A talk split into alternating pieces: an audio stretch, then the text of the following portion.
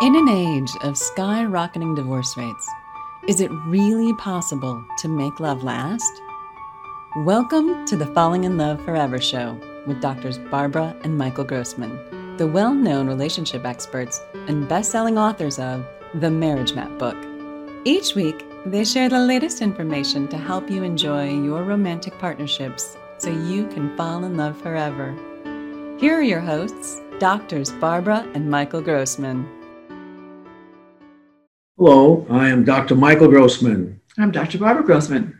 And we're here to share with you some knowledge based upon our book called The Marriage Map The Road to Transforming a Marriage from Ordeal to Adventure. We wrote this book as a roadmap to what is the likely events to occur over a long term romantic relationship. And when we get into marriage, there's a whole process of change. We have changes personally for us individually.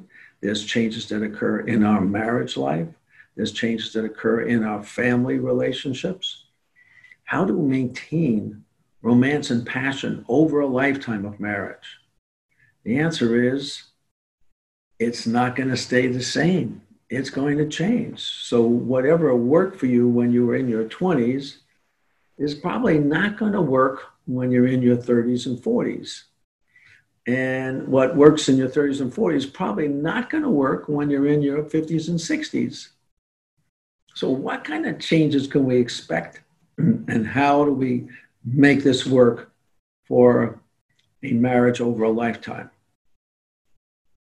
So, what we can say is that the changes that occur for us individually are inevitable over a lifetime. And to simplify it, let's look at what happens when we're a newborn baby. Newborn baby, we experience, we're just a, a crying, and then we get milk. The breast comes and feeds us. And we do very well with that kind of relationship. We have that experience of, of um, just crying, and then the milk comes. We get to be two, it's different. We cry, and the milk's not coming. Mother's is not not not cooperative. Mother has a different uh, opinion about how things should be now. It's not the same as just crying and getting milk. That's a big change. So, what kind of change do we see? We felt really close to that which we love. We felt just immediately, infinitely close when we were breastfeeding. But now that we're two, we're feeling more distant. We're not getting what we need right away. That's an inevitable change, and we know it's going to happen, and it's normal. We don't expect it to be any other way than that. That's the nature of growing as a two year old. Then we get to be six or eight, and what happens? Ah, we're happy again. We love being part of the family. Here we are uh, experiencing that wow, this is great. We have brothers and sisters, we have, we have cousins, and we're just part of this big family, and we just love it. We're just one of the big family, and we're once again close to everything we love. And then what happens? You're a teenager, and all of a sudden, not all of a sudden, but it changes again. We're not getting what we want. We know what we need, like a two year old, and we're not getting it. Our parents aren't cooperative other people aren't cooperative. It's a big problem. And we don't like not getting what we want. We're feeling distant to those things that we love, our, parents. And that's a difficult time. It is inevitable. We don't complain that this shouldn't be that way. It just it's just the nature of growing and developing. It's going to happen. Then what happens? We get to be 20 something. And once again, we're in a romantic relationship and we love that relationship. Our partner is so lovely. We're going to get married to this partner who is so lovely, who just is so concerned about our needs and desires, and we just love being together in this relationship. Oh, it's so wonderful. Does it last? No. What happens? That marriage that's so lovely, we just love that marriage, we then grow and develop. We have different events that happen. But the main thing that happens is that we change inside of ourselves. We change into a, a person who needs more space, who, who, who's tired of just being there for the family and for the children. We want our own personal self expression. We want our own creativity. We want our own career. We want our own time for ourselves, for our own in, in, in, inner development. And we feel more distant from those we love. It's different than a teenager, but we are on that side of the cycle where we want more space. These are the things that happen inevitably in a relationship. And it doesn't stop there. But let me give my so, lovely wife so, a chance to respond. So let me say this in a different way. Your first marriage with your spouse, your partner, um, will inevitably disappoint you. And you will um, find that it is um, it, um, not satisfying. It will be essentially over. And our news is that you can recreate an entirely different marriage with the same person if you have the skills and if you understand what's going on in your life that, that has that has created the shifts and changes the dynamics in your partnership. If you want to understand how you've grown and how you see the world differently and what you want and what um, you see for your life going forward. And you have to essentially recreate your relationship um, by this um, very impersonal self reflection and negotiation with your partner. And you can have an entirely different marriage with the same person. It is remarkable.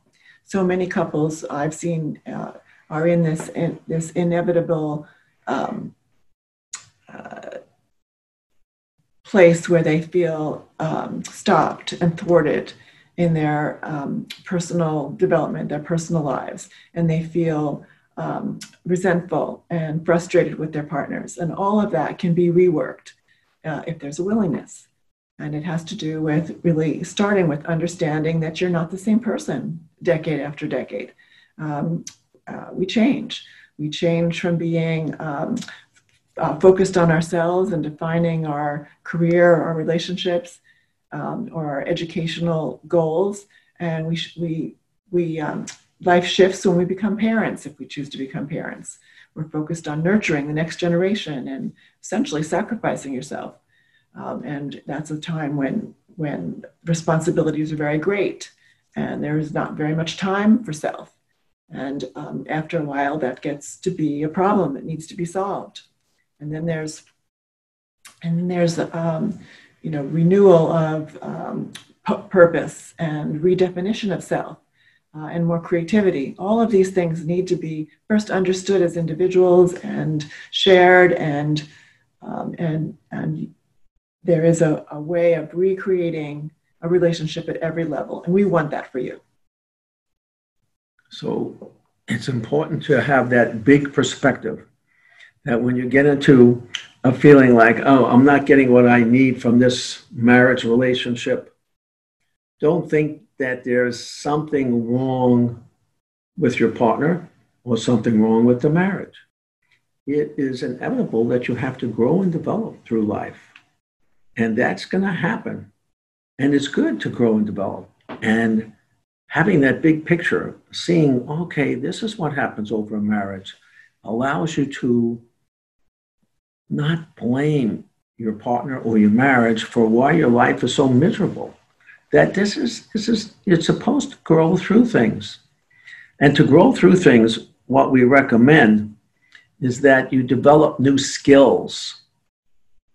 Because as you're growing through life there are certain important skills that you need to have to be able to share with your partner in ways that don't create more upset because as you're growing through these different phases of life's inevitable movements, it's important to have certain skills.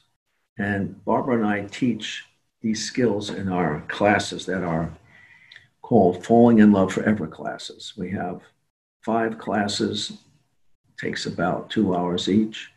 And we teach you skills that are critical. One skill is learning how to make requests really nicely not to create upsets from the request, but to let your partner know that, hey, you know, I've changed from where I was 10 or 20 years ago, and it would really make me happy if, and you give them the, the description of what it is, and you have a discussion about it, and you have to learn to talk about it. Another skill you learn is you're not going to agree on everything, and you need to learn how to talk deeply about things without getting into arguments. Actually, to listen to each other.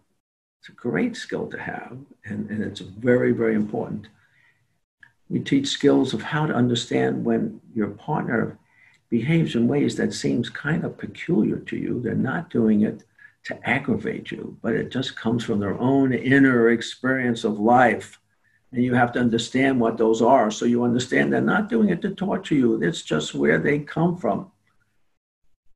And then we have skills to teach you how to catch an upset before it blows up into an argument, how to share in such a way that you can prevent these upsets from exploding.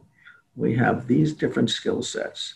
And then we, we give you more information about the big picture of life as we're talking about it here how it works and how it affects you. And we share personal stories because Barbara and I have been through these things. It's not like we're we're immune to this. We're sharing our own experiences. Right. It doesn't matter that we're you know ed- very very educated or you're not educated. Life is life, and um, there's a lot of you know very crucial experiences that alter the way you see life, and and these changes are inevitable for everybody. Should we uh, share about the, um, should, we, should we announce the courses we're giving online? We have a course in parenting. We have a course in um, uh, how to have more sex. We have, what are, what are the rest of the courses? We have a course in learning how to feel like you're number one with your partner. We have a course in dealing with financial issues, money upsets, money concerns. And we have a course on um, there's one more course. I forget to. We have lots of courses because life is life and there are challenges in lots of dimensions of life. We want you to have knowledge and skills to be able to partner properly and feel good about your partnership and and stay in love forever. So do do go to our website, themarriagemap.com, themarriagemap.com, which which has a lot of this information on it. And we encourage you also to read our book, The Marriage Map The Road to Transforming Your Marriage from Ordeal to Adventure. So these are all great practical things that you can um, uh, use and take part in. And we encourage you to do that. And we look forward to hearing and speaking to you again in the future on uh, one of these uh, uh podcasts and Facebook Live discussions. Thanks so much. Pleasure to be with you. And wishing you love. Bye now. Thank you for watching the Falling in Love Forever show with doctors Barbara and Michael Grossman. Join us next week for another informative discussion to help you keep your love alive. Be sure to visit us at themarriagemap.com or find out about our relationship classes at fallinginloveforever.com.